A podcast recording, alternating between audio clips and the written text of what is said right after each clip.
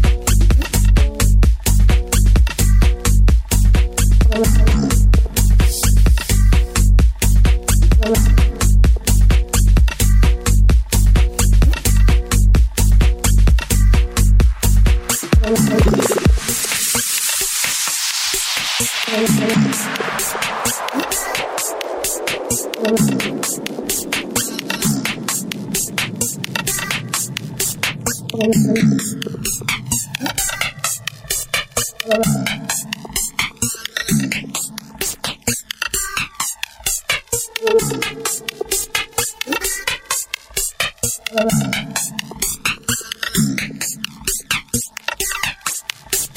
you.